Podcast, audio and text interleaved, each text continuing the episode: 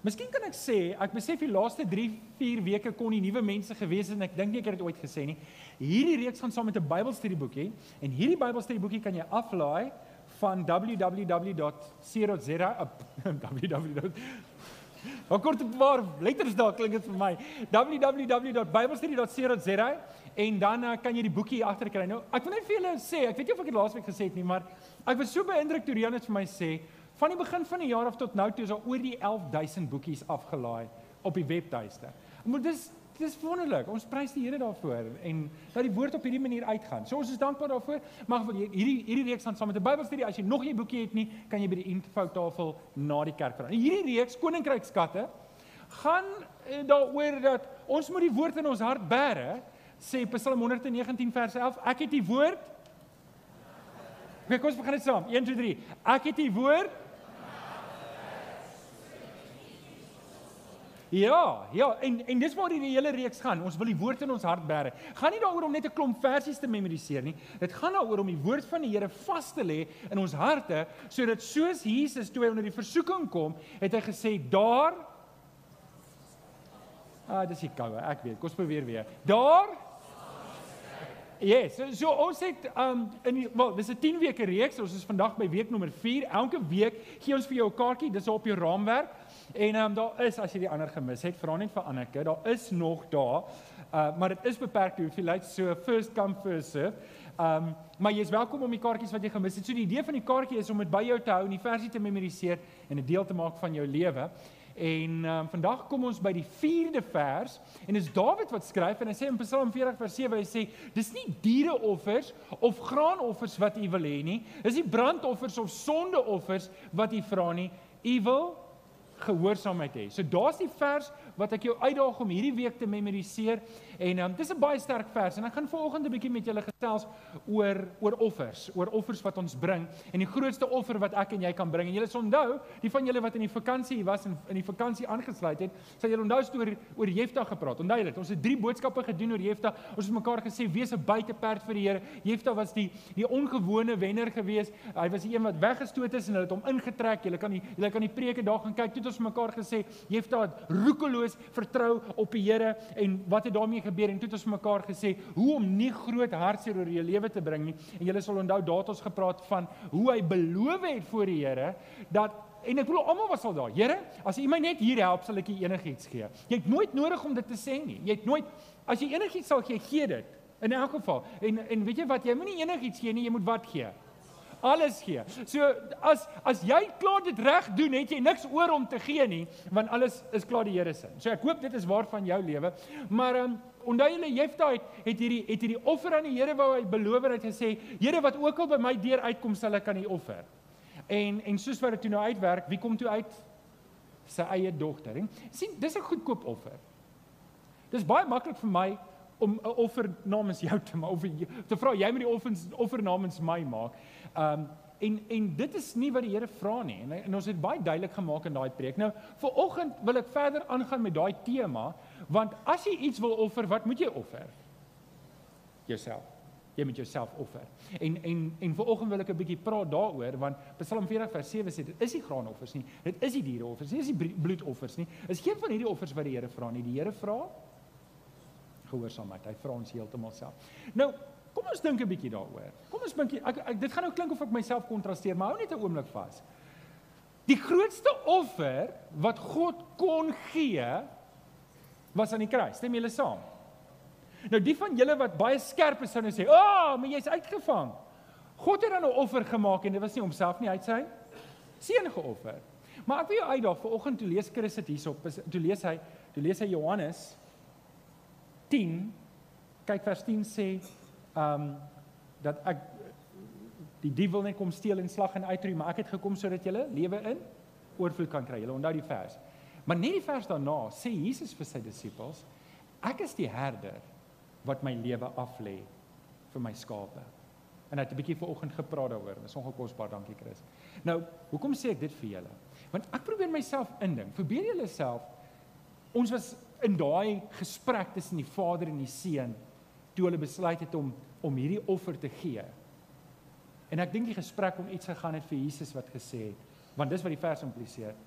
Vader, ek sal my lewe gee vir hierdie mense. Ek het hierdie mense so lief. Ek sal my lewe gee. Ek sal my lewe vir die skape af lê. Ek is die een wat die leeu sal veg. Ek is die een wat die beer sal veg. Ek is die een wat al sal dit my eie lewe kos en dit het, sal ek dit gee sodat my skape kan lewe. En as jy ver oggend hier sit en jy het Jesus Christus aangeneem, dan is jy sy skaap. En dan moet jy hoor Jesus sê ek het jou so lief. Jesus offer homself. Dis die beste wat Jesus kon gee is homself. So ek weet nie wie van julle het die gesegde gehoor toe julle kinders was nie half gepoetste halfgepoets. Wie van julle ken die gesegde? Wil net kyk. Want ek het nou ek kry dit nêrens in die idiome woordeboek of nêrens nie.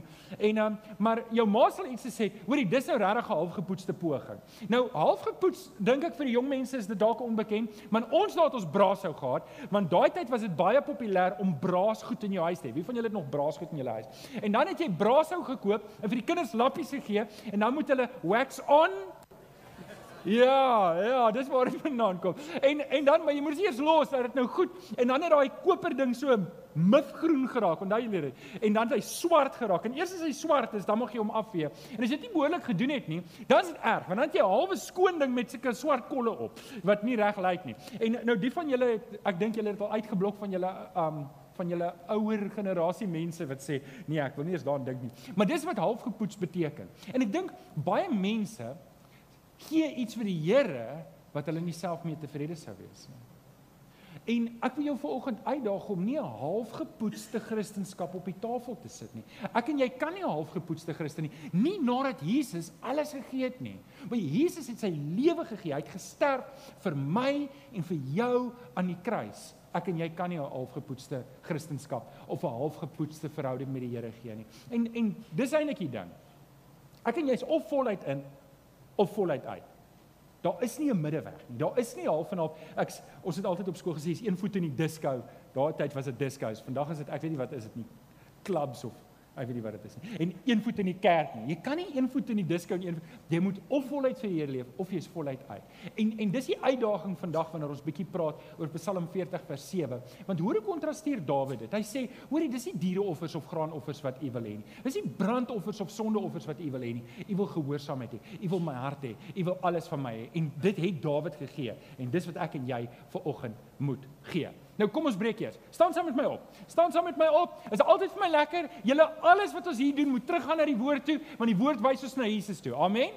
En dis hoekom ons hierdie ook sê elke oggend ons herinner mekaar en ons bely dit vir onsself om te sê, hoorie, ons is 'n gemeente wat vas staan op die woord van die Here en ons sal nie daarvan wankel nie. Amen. Alrite, so kom ons sê dit saam. Dit is my Bybel. Ek is wat dit sê ek is. Ek het wat dit sê ek het. Ek kan doen wat dit sê ek kan doen met my mond bely ek met my hart glo ek dat Jesus die Here is. Amen. Amen. Baie dankie. Jy kan sit. Jy kan vir oggend jou Bybel oopmaak by Romeine 12. Romeine 12. Ek gaan net vers 1 en 2 lees vir die begin. Romeine 12 en jy kan daar oopmaak vers 1 en 2 en ons sal die res later lees. Um en terwyl jy hulle blaai wil ek vir almal sê wat aanlyn ingeskakel is, baie welkom. Is altyd lekker om in jou huis te wees. Help ons om die woord uit te kry. Druk op die like knoppie en en deel dit sommer met mense. As jy nog nie gesubscribe het nie, subscribe asseblief. En dan wil ek julle ook nooi. Ons het die lekkerste koffie enige plek 9 uur op op 'n Sondagoggend. Jy moet hiernatoe kom. Kan julle saamstem? Ja, ja alright. As daar nou 'n mikrofoon was, sou julle 'n bulderende ja gehoor het. In elk geval, is julle oop by Romeine 12? Kom ons lees hom saam. Paulus skryf, hy skryf aan die Romeine wat waarskynlik 'n omsendbrief was. Hy het uit Romeine geskryf. Dit was waarskynlik nie vir 'n gemeente nie, maar vir die hele al die gemeentes in die Romeinse strook wat 'n sirkulaire omsendbrief was. So wat gebeur het is, dit was vir die eerste gemeente gegee as hulle klaar moes dit volgende Sondag voorgeles het. So wat hulle gedoen het op 'n Sondag soos hierdie, dan sou hulle as apostelsbriewe geskryf het, dan sou dit vir hulle voorgeles geword het. So iemand sou hier voorkom staan en sê jy reg, kan jy dink as jy in een sitting Romeine 1 tot ag 1 tot 16 moes luister? Moet ons dit doen? Dit nie vanoggend nie, volgende keer. OK, kom ons hou maar net by twee verse vir volgende. Maar OK, hier is deel daarvan en hy moedig die gelowiges aan en hy daag hulle uit um op verskillende areas in hulle lewe en hy en hy deel die evangelie. Veral vir Joodse gelowiges deel hy die evangelie om te sê, hoorie, die wet help jou niks nie en jou om om reggebore te wees en die regte volk te wees, help jou niks nie want almal is sonde sondig en almal het Jesus Christus nodig. Okay, maar nou is ons al ver in die uh, brief en ons is nou by Romeine 12 en um, ons lees nou daar vers 1 en 2. En nou doen ek 'n beroep op julle broers en vir die susters ook ter sprake hierso. Op grond van die groot ontferming van God, gee julle self aan God as 'n lewende en 'n heilige offers wat vir hom aanneemlik is. Sê net lewendige en 'n heilige. Lewendig beteken daar's nog skop in jou oor, nê? Nee, en heilig beteken afgesonder vir die Here. Ek meng my ek gaan maak my wat wat meng jou met die varke dan spreek die semels jou op, nê? Nee toe sit of jy wakker is. Okay? So dit is die wesenlike van die godsdiens. Dis wat jy moet beoefen. Wat Paulus maar net eintlik sê in goeie Afrikaans is net, hoorie, dis die minste wat jy kan doen. Dis die minste wat jy kan doen is om jouself as 'n lewendige en 'n heilige offer vir die Here te gee. En en net sê iets so lewendig en heilig. Heilig beteken per definisie dat ek myself na die woord toe bring en nie ander goed inbring nie. Okay, en dis wat ons hier moet hoor. Okay, nou gaan hy verder. Hy herhaal eintlik maar wat hy sê net in ander woorde. Julle moenie in hierdie sonnige wêreld gelyk word nie. Dis wanneer ons aan die sonnige wêreld gelyk word wanneer allerlei probleme in ons lewe na vore kom. OK, so julle moenie in hierdie sonnige wêreld gelyk word nie, maar laat God julle verander deur julle denke te vernuwe. Nou hoor gou mooi, hier's 'n deel wat God doen en hier's 'n deel wat ek doen. Julle moet julle denke vernuwe, dan sal God jou lewe verander. Jy moet jou denke verander, dan sal God jou lewe verander. Ons gaan nou daaroor praat. Ek breek net so op dat jy half en half 'n voorsmaak het van wat kom. So, maar laat julle lewe verander deur laat God julle lewe verander deur denke te vernuwe, dan sal julle ook kan onderskei wat die wil van God is, wat vir hom goed en aanneemlik en volmaak is. So, hier's 'n onderliggende ding van as ek en jy ons op hierdie manier aanmeld by die Here as 'n offer, 'n lewendige en 'n heilige offer, gaan ek en jy 'n nuwe vermoë ontwikkel. En dis om na iets te kyk en onderskei te hê is hierdie ding reg of is dit verkeerd? Is dit wat die Here vir my lewe wil hê of is dit nie? En ek dink baie mense, baie gelowiges sukkel met onderskeid. Nou daar's 'n gawe van onderskeid, dis iets anders. Hierdie is 'n algemene onderskeid wat elke gelowige behoort te hê omdat hulle self wortel in die woord. Dis hoekom ons hierdie 10 verse memoriseer sodat ek en jy kan vasmaak sodat ons weet wat reg en verkeerd is en waar ons moet lewe. Want as jy nie weet wat reg en verkeerd is nie, dan gaan jy die verkeerde pad kan vat. En dis nie waar die Here jou wil hê nie. OK. So, vir oggend se tema is hoe gee ek myself as 'n offer vir die Here? Hoe hoe hoe lewe ek as 'n 'n lewendige en heilige offer? En ek gaan vanoggend dit 'n bietjie anders doen. Ek gaan by die teks bly. Ek gaan by Romeine 12 bly en ek gaan elke keer een van die verse gebruik wat Paulus gebruik in hierdie lyn, want Paulus het nou net gesê, "Gee julleself as lewendige heilige offers wat vir God goed en aanneemlik is, sodat julle kan onderskei." Nou hoe doen ons dit? Kom ons kyk wat sê Paulus in 5 verse wat hy sê. Nou ek wil jou mooi vra. Ek wil jou baie mooi vra. Sal jy Romeine 12 vers 1 tot 11 weer gaan lees by die huis? Sê asseblief mm. OK, wie het nie mm gesê nie, steek net op jou hand. Ek is bly, jy werk goed saam vanoggend. Nommer 1, is jy reg op julle raamwerke? Nommer 1. Gee jou denke. Gee jou denke. Paulus begin daar. Hy sê gee jou denke. Dis dis waar ek en jy begin deur om as 'n offer vir die Here te lewe. 'n Heilige en 'n lewendige offer is begin by jou denke. Nou okay, hierdie vers aanvaar jy's klaar kind van die Here. So as jy nog nie 'n kind van die Here is nie, dan is die eerste plek wat jy moet gee is jou hart.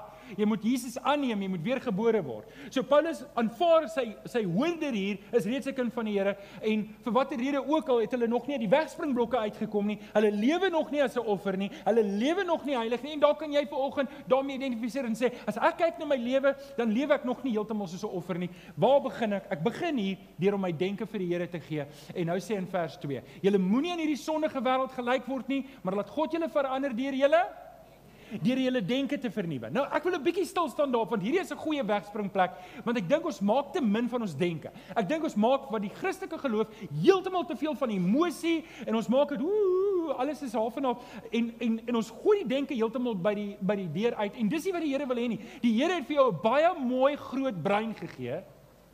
Dis om vreemd wees as hy nie wil hê jy moet dit gebruik nie. Maak dit sin? So hy wil hê jy moet dit gebruik, maar jy moet daai denke reg oplei. Hy sê want dan sal jy onderskei kan tref tussen wat vir God goed en aanneemlik en volmaak is. OK. Hier is die groot ding. Ek moet verantwoordelikheid aanvaar vir wat ek toelaat in hierdie denke. Ek moet verantwoordelikheid aanvaar. Ek kan nie net 'n klomp gemors in my denke insit en dink dit gaan nie 'n invloed op my lewe hê nie. En ek dink ongelukkig is dit wat ons baie keer dink. Ons ons is gered, ek is 'n kind van die Here, so ek het 'n manier om om slegte dinge te buffer. So ek ken nie eintlik om wat ek kyk nie. Ek ken nie om wat ek op TV kyk nie. Ek ken nie om wat se programme kyk ek nie. Al is dit hoe vrot en hoe moreel beroof en al is dit hoe ver van die skrif af, Ek berus op die feit dat die Here my gered het en dis 'n fout. Want wat dit doen is is dit dit wat is die regte woord vir is dit desensitifiseer. Joh, dis 'n lelike woord. Ek dink nie ek sal dit weer kan sê nie. Die Engels is desensitize. So dan is die ander een seker anglisisme. Maar kom ek bly by die Engelse woord. Dit desensitize my vir wat reg en verkeerd is. Dit maak dit alles net skielik. Hier's wat die Here wil hê, hier's wat die wêreld bied en hier iewers kry ek 'n moesie gemiddeld wat eintlik so ver van die Here af is en en ons gaan maar net aanlaat. Ek kan nie ek en jy kan dit nie toelaat nie. Ons kan dit nie vir ons kinders toelaat nie. En dis nie net wat ons kyk op die TV of op YouTube of op Facebook of waar ook al ons beweeg nie. Dis nie net dit nie. Dis ook die ander goed wat ons toelaat in ons lewe. Die die vreesgedagtes wat ons toelaat in ons lewe. Die die die haatgedagtes wat ons soms toelaat in ons lewe. Ek moet doelbewus my gedagtes rig om binne die raamwerk van die skrif te bly. Amen. En dis belangrik. Dis belangrik. Paulus sê in Kolossense 3 vers 2. En hier is dalk 'n woord wat jy kan hierdie vers memoriseer want hy's baie maklik. Is net 4 verse. Dis eintlik moeiliker om te memoriseer waar dit staan as om die vers self te memoriseer. Dis 'n grappie. Lees hom saam met my. 1 2 3. Bedink Bedink die dinge daarbo. Wat dit eintlik maar net sê is wees versigtig vir die wêreld. Want wat die wêreld jou voer is giftig. Dis giftig. Weet jy wat? Jy kan elke dag 'n kilogram vet eet. Dit klink nie lekker nie, nê. Nee. Dit hang af hoe dit gaar gemaak is, eerlikwaar. Um nou ek's nie 'n dokter nie, Tersius, jy kan my dalk help hierso. Maar ek het 'n vermoede dit gaan jou lewe dramaties verkort. Dit mag moontlik, as ek reg, ek weet nie. Dalk moet ek my nie oor mediese goed uitlaat hiervoor nie. Die punt wat ek net wil maak is is alles wat ek doen het 'n gevolg in my lewe. Alles wat ek doen het 'n uitkoms in my lewe.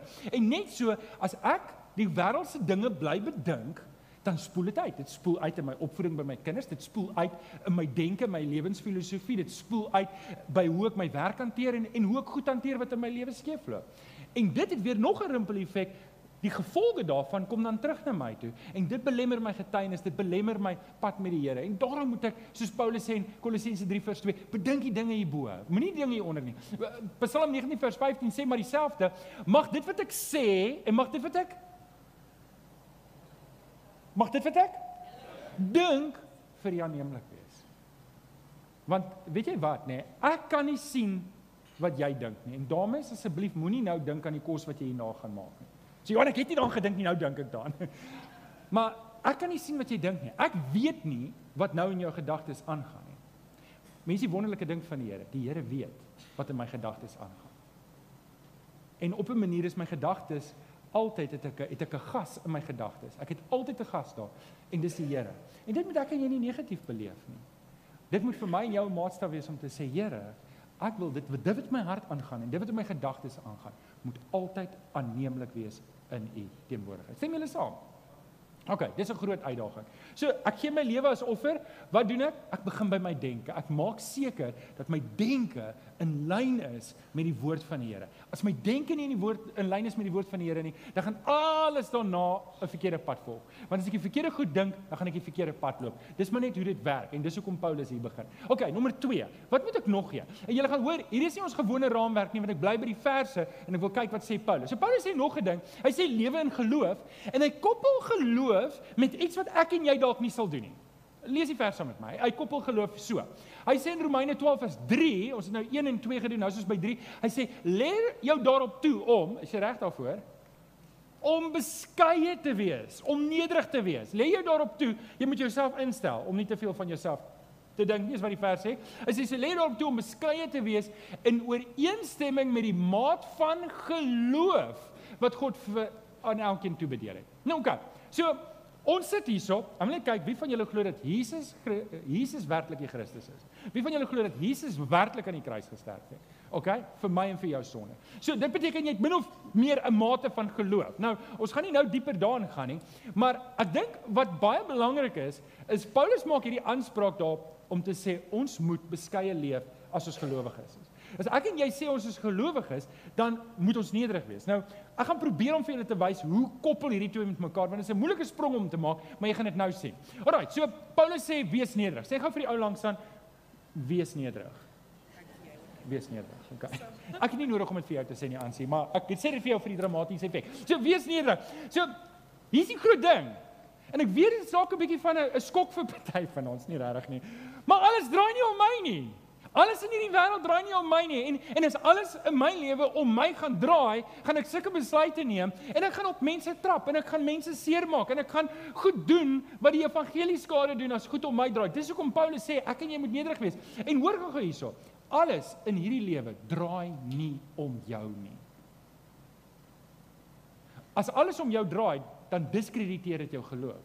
Dan wys dit jy glo nie regtig nie, want Iemand het eendag gesê jy glo net die deel van die evangelie wat jy eintlik doen.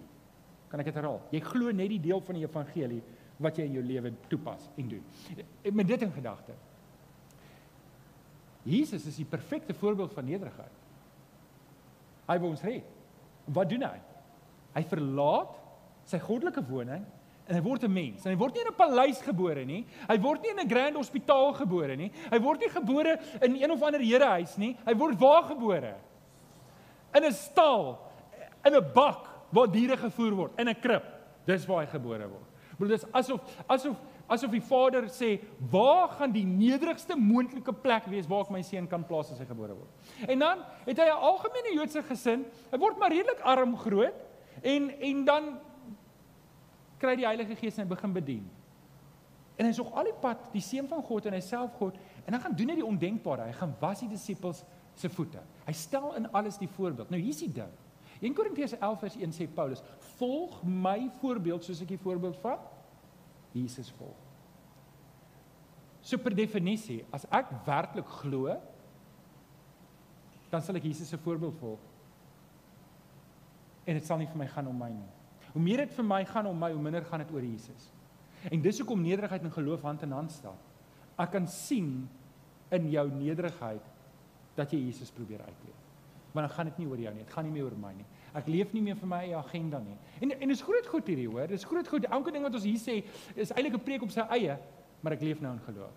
En daarin moet ek vashou. Paulus sê die Hebreërs skrywer sê ons weet nie dit Paulus is nie. Hebreërs 11 vers 6 as iemand nie glo nie, onthou as dit nou neder ons het die sprong gemaak van nederigheid na geloof, nou praat ons 'n bietjie oor geloof. As iemand nie glo nie, is dit onmoontlik om te doen wat God wil. Is dit nie ook so met nederigheid nie? As ek nie nederig is nie, dan is dit onmoontlik om te doen wat God wil, want vir wie gaan ek alles doen? Vir myself. Ek is meer, dis meer belangrik vir my dat jy moet beïndruk wees met my as wat dit is dat jy in Jesus moet glo. Maar as ek in Jesus glo, dan wil ek hê mense moet na die kruis toe kom. Hulle moet by Jesus uitkom. So as 'n mens nie glo nie, is dit onmoontlik om te doen wat God wil. Wie tot God nader moet glo dat hy bestaan en dat hy die wat na hom soek beloon. Galasiërs 2:20 sê Paulus ook. Hy sê Nou is dit nie meer ek wat lewe nie, maar dis Christus wat lewe. Ek lewe nie meer nie. Ek het myself gekruisig. Nou, Jesus het gesê as jy agter my wil aankom, moet jy jouself verloon, jou kruis opneem en moet jy dan moet jy die pad stap. Net so dis wat Paulus hierso sê. OK, so dit was nommer 2. Ek moet my denke, ek moet my denke regkry, ek moet my denke as 'n offer bring. Nommer 2 is ek moet myself kruisig, ek moet in nederigheid en geloof Jesus volg. Nommer 3 is ek moet deel wees van die liggaam. Nou, julle kan hoor, dit voel soos losstaande goed hier. Dis interessant dat Paulus al hierdie goeie sê, maar hier is ook 'n belangrike ding om om as 'n offer vir die Here te leef en om nie vir myself te leef nie, om my denke reg te kry, beteken dit ek kom aanmeld vir diens by die liggaam van Christus. Hoor wat sê Paulus in vers 4 en 5. O, ons het baie lede in een liggaam en die lede het nie almal dieselfde funksie nie, net soos ons al is ons baie in Christus, een liggaam en almal afsonderlik lede van mekaar. Nou onthou nou, hier is nog geen konteks. Paulus het begin hierdie gedeelte net 4 verse vorentoe om te sê jy moet jouself as 'n lewende heilige offer gee en nou pak hy dit uit en hy verduidelik dit en hy sê deel daarvan is ek en jy moet aanmeld by die liggaam van Jesus as om ons deel te doen. So. Dis prakties om jou lewe as 'n offer te gee. Hoe doen ons dit? Hoe doen ons dit? Ek wil ek wil graag 'n bietjie hier 'n klein bietjie stil staan want nou praat ek met ons want ons is die liggaam van Jesus. Julle het nou nog gesê wie almal glo wie, wie glo almal in Jesus? Nou gesien wie glo. Nou gaan julle versigtig. O nee, die hande kom goed op. Dis goed. So ek moet aktief deel wees. Ek moet aktief deel wees van die liggaam van Jesus. Nou ek het al baie illustrasie gebruik, maar wie van julle het het al jou been so gesit in die kar dat hy dood is dat hy sterretjies sien? Wie van julle het dit al gedoen? OK. As kind was dit vir my 'n lekker gevoel Ek het daarvan gehou. Dit is o, kyk my been is dood, dis cool. Maar jy het jou been so dood gesit dat jy tone nie kan beweeg nie. Die eerste keer toe dit gebeur, toe dog ek ek gaan doodgaan.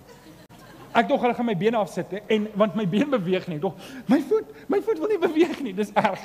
En en en ongelukkig, hier is die realiteit. Hier's baie baie mense wat deel is van die liggaam van Jesus wat dood is. Hulle is mors dood. Hulle wil nie beweeg nie. Hulle sit net daar. Raak dit ongemaklik. En en en en hier's die ding, die Here, die Heilige Gees werk in jou lewe om te sê, ek het jou nodig in my liggaam en ek en jy trek met die Here tou. Ons trek en sê, Here, ek wil nie. Ek wil nie, is nie lekker nie. Hoekom? Want ek is besig om my eie agenda vir my lewe te dryf. En hoe meer dan van die Here se agenda in my lewe is, hoe minder het ek tyd en plek en energie en reserve om vir die Here te werk. En die snaakse van dit alles is, net dit wat ons werklik vir die Here doen gaan hou. Want ek en jy gaan oor 1000 jaar van nou af 'n vergadering hê. Okay, nie regtig nie, maar ons gaan ek hoop ek sien jou oor 1000 jaar. Gaan ek jou oor 1000 jaar sien? Sê mm. Okay, dis belangrik om jou daar sien, okay? Oor 1000 jaar van nou af gaan ons terugkyk en sê, "Joh, daar's 'n klomp goed wat ek gedoen het wat regtig niks werd was nie." Daar's nou e, e, ek en jy tou getrek met die Here oor wat die Here in ons lewe wil doen en ek sê net nee. Hoorie, dis nie ek wat vir julle vra om betrokke te raak by die kerk nie. Dis nie ek wat vir julle sê, "Ag kom aan ouens, word betrokke." Gee 'n bietjie van jou tyd vir die werk van die Here. Dis nie ek nie. Ek voel soos 'n hierdie telly maak dit is. Hallo Arm. Wil jy selfoon by my koop Arm? Kry julle dit ook? Nee, julle het almal true caller. Sê, "Oom, nee, gaan nie hom antwoord nie." Nee. Dis ek, maar dit is nie dit is nie. Die Here wil dit hê. Die Here wil hê ek en jy moet betrokke wees. Want weet jy wat? As jy ek weet nie waar jy is nie. Ek weet nie wat. Kom kom ons lees hier in Korintiërs 6 vers 9 nie. Voordat ek daai daai gesin sê. Julle behoort nie aan julleself nie. Sê nie vir die ander sê jy behoort nie aan jouself nie. Hey, dis 'n lekker onderwerp om oor te praat. Kom ons praat daaroor. Julle behoort nie aan julleself nie. Glo dit regtig. Sê mm. Nou dit o, daai was baie halfhartig. Dit was nou half gepoets. Het julle nou 'n voorbeeld van half gepoets? Wie van julle glo werklik jy behoort nie aan jouself nie? Aan wie behoort ons? Ons behoort aan Jesus. Dus, dis 'n wiskundige term. Behoort ek ook aan die liggaam van Jesus? Ek is klaar deel van die liggaam van Jesus. Die vraag is net, is ek besig om my rol te speel? Ons is die liggaam. Dis en is baie meer as net om kerk toe te gaan. Is baie meer as om net op 'n Sondagoggend aan te trek en om hier te sit en 'n preek te luister. En ek hoop julle geniet die preke. Bedoel, ons sit baie tyd en energie daarin. Maar oor hierdie wat hier gebeur, is 'n baie klein deeltjie van ons geloof in Christus Jesus. Baie klein deeltjie. Dis wat gebeur wanneer ek en jy hier uitstap wat die groter deel is. So, ek het hierdie mannetjie van die internet af getrek. Ek dink dit is graad 2 of graad 3 biologiese lesse wat hulle vir die kinders leer, dis 'n voet. Hulle het blykbaar nie geweet dis voete nie. Ek weet nie wat se deel van die wêreld is dit wat hulle vir kinders moet leer dis hoe 'n voet lyk nie. Maar ek dink ons moet hierdie prentjie meer in die kerk wys om te sê van ons is voete hierso. En wat moet voete doen? Hulle moet gekielie word nie. Hulle moet loop. Hulle moet die evangelie uitdra. Nou ons is almal deel van die liggaam en almal doen deels op 'n manier alles, maar party van ons het fokusareas waarop ek moet fokus wat die Here hy roep jou as 'n as 'n bedienaar van die evangelie, as 'n deel. Jy's 'n hand. Ons kan nie almal hande wees nie. Ons kan nie almal voete wees nie. Ons kan nie almal knieë wees nie. Ons kan nie almal ore wees en monde wees nie. En dis oukei. Okay. Met ander woorde as ek en jy disipelskap program stap, dan is my plan nie om van jou 'n predikant te maak nie, hoegenaamd nie. My plan is om jou die beste voet te maak as jy 'n voet is wat die koninkryk nog ooit gesien het. En en maar daarvoor moet ek aanmeld. Ek moet myself wat sê hooftema van vanoggend? Ek moet myself offer. Ek moet myself offer. Ek moet aanmeld en sê Here Jesus, ek, ek en 'n klomp van ons is nog nie seker wat ons is nie, maar dit is oukei. Okay. Meld net aan. Doen net iets. Dit is makliker om 'n skip te draai wat beweeg as 'n skip wat doodstil staan. OK. Hier is die probleem, ouens. Ons het groot geword. Ons het groot geword in die kerk. Ons geleer is die dominee moet alles doen. As die dominee nie die hospitaal besoek gedoen het nie, het dit nie gebeur nie dan was die kerk nie by my gewees nie. Ons het groot geword as die dominee nie gepreek het nie, dan was daar nie gepreek nie. As die dominee dit nie gedoen nie, het dit nie regtig gebeur nie. Hy is die een met die papiere, nê? Nee? En jy kan sy lesenaar of hy sê hy het 'n mooi papier daarmee so 'n seël op. Weet jy waar hy dit gekry het nie, maar jy kan dit sommer by Postnet print ook as jy wil. Maar maar daai papier, hy daai papier. En dit is so groot leen wat Satan ons vertel het. Want dit maak dat ek 'n verskoning het om te sê, maar ek kan niks doen nie. Ek is nie geleerd nie. En die ding is jy het net die Heilige Gees nodig en gewilligheid en om as 'n offer vir die Here te lewe. OK, ek moet aangaan van hierdie punt, maar kan ek net een halwe dingetjie nog bysê? Hoor gou-gou mooi. As jy iemand gehelp het wat finansiëel swaar kry. en jy is 'n gelowige, dan die kerk van Jesus dit gedoen. As jy in jou binnekamer gebid het vir iemand wat deur 'n moeilike tyd gaan en jy is lidmaat van hierdie gemeente, dan Tygerberg Gesinskerk dit gedoen. Ek dink baie mense verstaan hierdie ding verkeerd om te sê ja, maar dit moet die kerk moet dit organiseer. Maar jy moet dit organiseer. Verstaan jy wat ek probeer sê? Jy moet die die probleem is ek wil hê jy moet mooi kyk na die kerk en sê wat is fout met die kerk? En dan moet jy sê die rede daarvoor is want daar's hande en voete en tone en ore wat nog nie op woord is nie. Maak dit sin wat ek vir julle probeer sê? Daar's mense wat gelowige is wat hulle self nog nie opgeoffer het nie. Dis die groot uitdaging hier. En ek wil hê jy moet jou kop swaai om te sê wanneer jy goed doen aan iemand of wanneer jy vir die Here werk op watter manier ook al, dan is dit die liggaam van Jesus wat dit doen en dan is dit die kerk wat dit doen. Stem julle saam? Da, nommer 4. Leef God se liefde uit. Leef God se liefde uit. Want dit is tog waar dit gaan.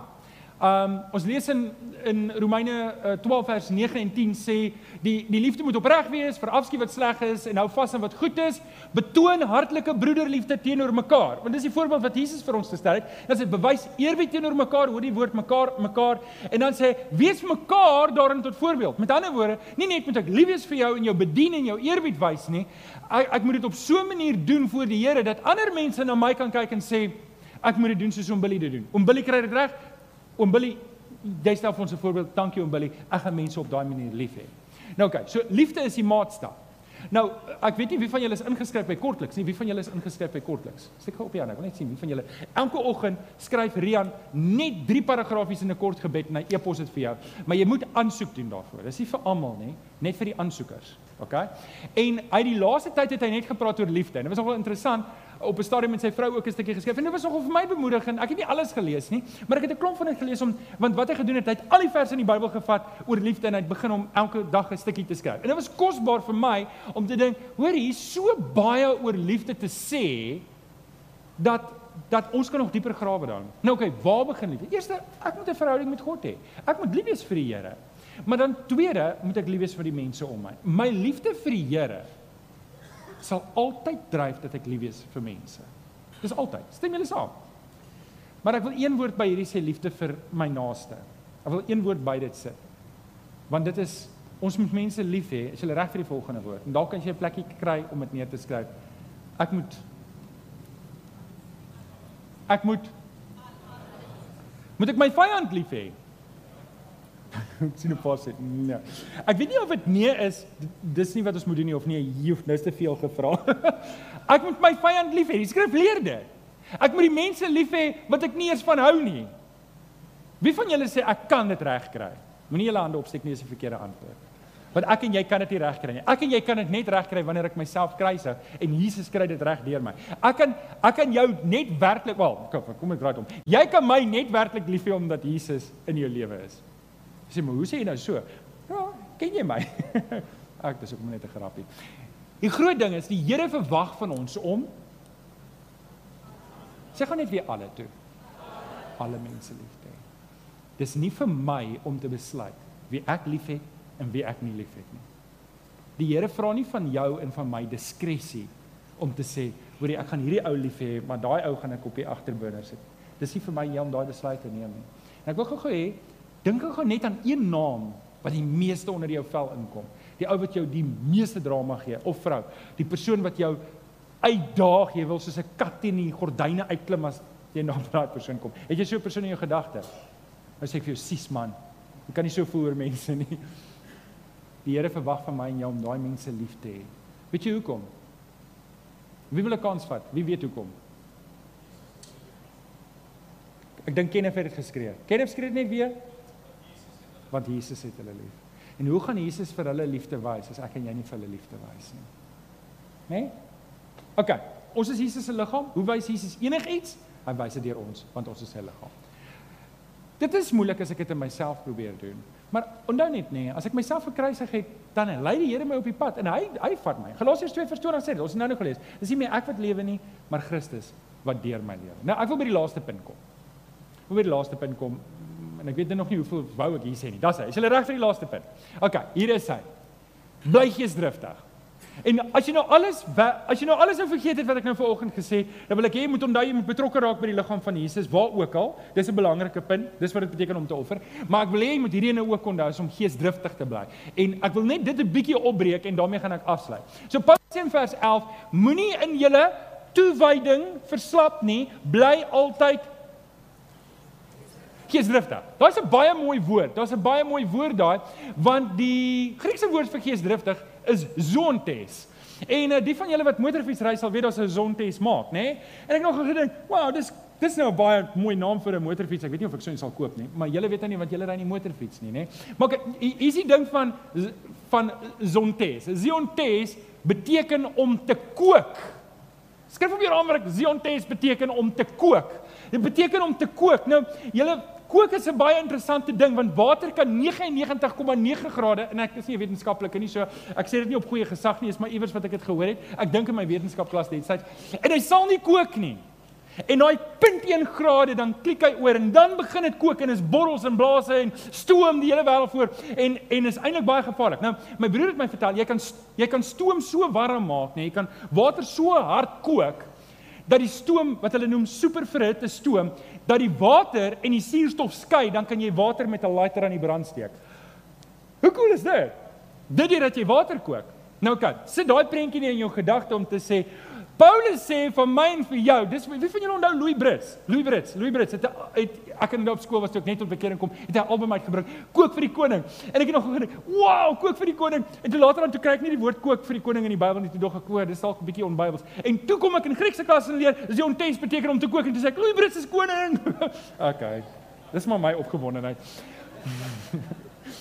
Dis die ding, jy moet kook vir die koning. Ek en jy moet kook. Ek en jy moenie net warm wees nie. Ek en jy moenie net ek en jy moenie net mm, aan die gang wees nie. Ons moet geesdriftig wees. En geesdriftig beteken om te kook.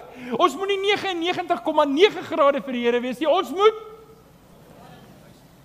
Kom ek sê vir julle dit, niemand is ver oggend skuldig om te kook nie. ek en jy moet kook vir die Here. Ons moet geesdriftig. Lees net gou weer die vers. Lees net gou weer die vers. Moenie in julle toewyding verslap nie. Bly altyd OK, ek wil hou net daai vers in jou gedagte nê. O, ek gaan nou verkeerde kant toe met hierdie ding. Ek moet vorentoe gaan, nie terug nie. O, te ver. Heeltemal te ver. Nou is my woord weg. Ek soek 'n woord en hy's daar nie. OK, ek gaan oppop. Ek gaan dit nie nou sê nie want hy gaan oppop. OK, so ek en jy moet nie net warm wees nie. Ons moet kook. Nou ongelukkig, baie van ons bevind ons in 'n plek waar ons geestelike vlak baie baie laag is sê ek het nie reserve en dis die vraag ek kan jy met die vraag vra hoekom het ek nie reserve om geesdriftig te wees vir die Here nie? Hoekom is my gol uit? Dis 'n belangrike vraag om te vra. Ag as ek dit nou verkeerde tyd sê dan en nou kom jy nou vergewe my maar.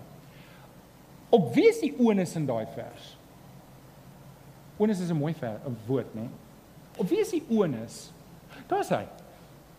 Op wie is die onus in daai vers op my. Dis my werk om seker te maak ek bly geesdriftig. Is my werk om seker te maak ek bly op 100 grade Celsius, nie op 99,999.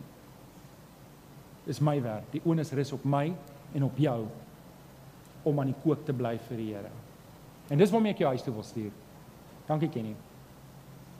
Dalk sit jy ver oggend hier en jou geesdrif is krities laag. Dan wil ek jou ver oggend vra om verantwoordelikheid te aanvaar vir jou geestelike lewe. Ons het 'n klomp goed gesê. Lees weer deur daai raamwerk. Kyk jy goed wat ek en jy moet doen om te sê hier is hoe ek myself as 'n offer gee. En en maak dalk 'n lys om te sê, hoorie, hier's 'n paar goed. Daar was 'n tyd wat ek krities, ag wat ek wat ek geesdriftig was en aan die brand was vir die Here. Maar, maar hier's al die goed wat gebeur het intussen. En dan kan jy die pad terugvat om te sê Here, hier is hierdie goed. Ek is klaar daarmee. Ek is klaar daarmee. Ek gaan nie ek gaan nie meer 'n 'n flou makou Christelike lewe leef nie. Ek gaan geesdriftig wees. Ek wil jou uitdaag om vanoggend jouself as 'n offer vir die Here te gee. Moenie in jou toewering verslap nie. Ek wil jou vanoggend mooi kom vra. Ek wil jou vanoggend, hier is die laaste woorde wat ek gee. Ek wil jou vanoggend mooi kom vra. Moenie verslap in jou toewering nie. Beklei daarvoor.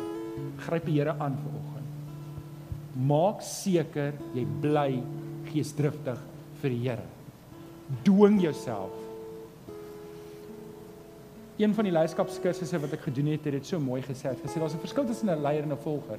'n Volger wag vir inspirasie om iets te doen. 'n Leier werk homself in inspirasie. Dit my nogal so beïndruk om te sê, wat doen ek en jy? Wag ons dat die dat die geesdrif oor ons val of werk ons onsself in die geesdrif in die Here? Dis my uitdaging vir oggend. Om vir jou bid. Vader, U sien ons lewe. U weet waar elkeen van ons ver oggend is en U weet waar ons geestelike vlak is. U weet of ons heeltemal oorgegee is as 'n offer en of ons eintlik maar net vir onsself leef en net genoeg doen om gered te word. En U weet, Here, baie keer dan sukkel ons met hierdie dinge. En ek kom vra Vader, deur die Heilige Gees, kom rig ons oë op die kruis kom rig ons so op die Here Jesus, Here, en dat ons verantwoordelikheid sal aanvaar en sal sê, dis nie vir my goed genoeg dat ek verslap in my toewyding nie. Dis nie goed genoeg dat ek net 99,9 grade is nie. Ek wil kook. Ek wil geesdriftig wees en Here, ek gaan my geesdrif vir U uitleef elke oomblik van elke dag. Want Here, dit wat Jesus Christus gedoen het vir my in die kruis, Ek kan nie halfgepoetste kristendom gee nie. Ek kan nie halfhartig gaan nie. Ek moet alles gee. Ek kom vra vir oggend, Here, kom werk deur die Heilige Gees in ons harte. Kom oortuig ons hiervan. Here, dat as ons nou gaan opstaan en 'n lied sing, U gaan loof en prys, as hier sal uitstap met 'n nuwe geesdrift en 'n nuwe toewyding aan U. Ons dankie. Ons bid dit in Jesus naam. En die kinders van die Here sê: Kom ons staan.